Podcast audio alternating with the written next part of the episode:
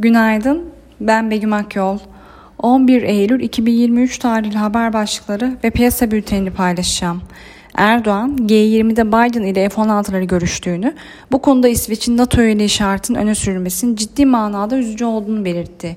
Yalın, ABD'de enflasyon yumuşak inişte kontrol altına alınacağından emin.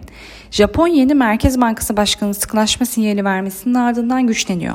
Biden'a göre ekonomik sorunlarla boğuşan Çin'in Tayvan'ı işgal etme kapasitesi azaldı. Kritik ABD enflasyon verisi öncesi tahvil getirileri yükseliyor.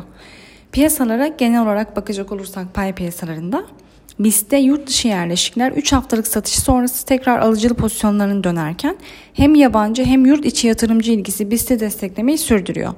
Orta vadeli programda da ortaya konan yüksek enflasyon süreceği beklentisi ve negatif reel faiz politikası korunduğu sürece yerli yatırımcı ilgisinin ortodoks politikalara geçiş ve normalleşme sürdükçe yabancı yatırımcı ilgisinin sürmesini bekleriz.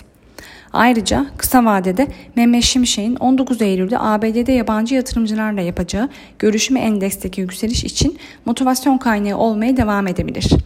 Ancak seçim sonrası dönemde önemli düzeltme gerçekleştirmeden %80'e yakın yükseliş kaydeden BIST'te zaman zaman kar realizasyonunun yaşanmasının olağan ve sağlıklı olacağını düşünüyoruz.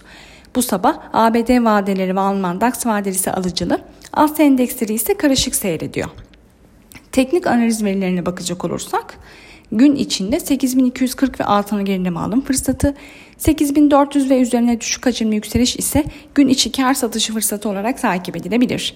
Viyop tarafında ise gün için long pozisyonlar için 9105, short pozisyonlar için ise 9230 zarar kes seviyesi olarak izlenebilir.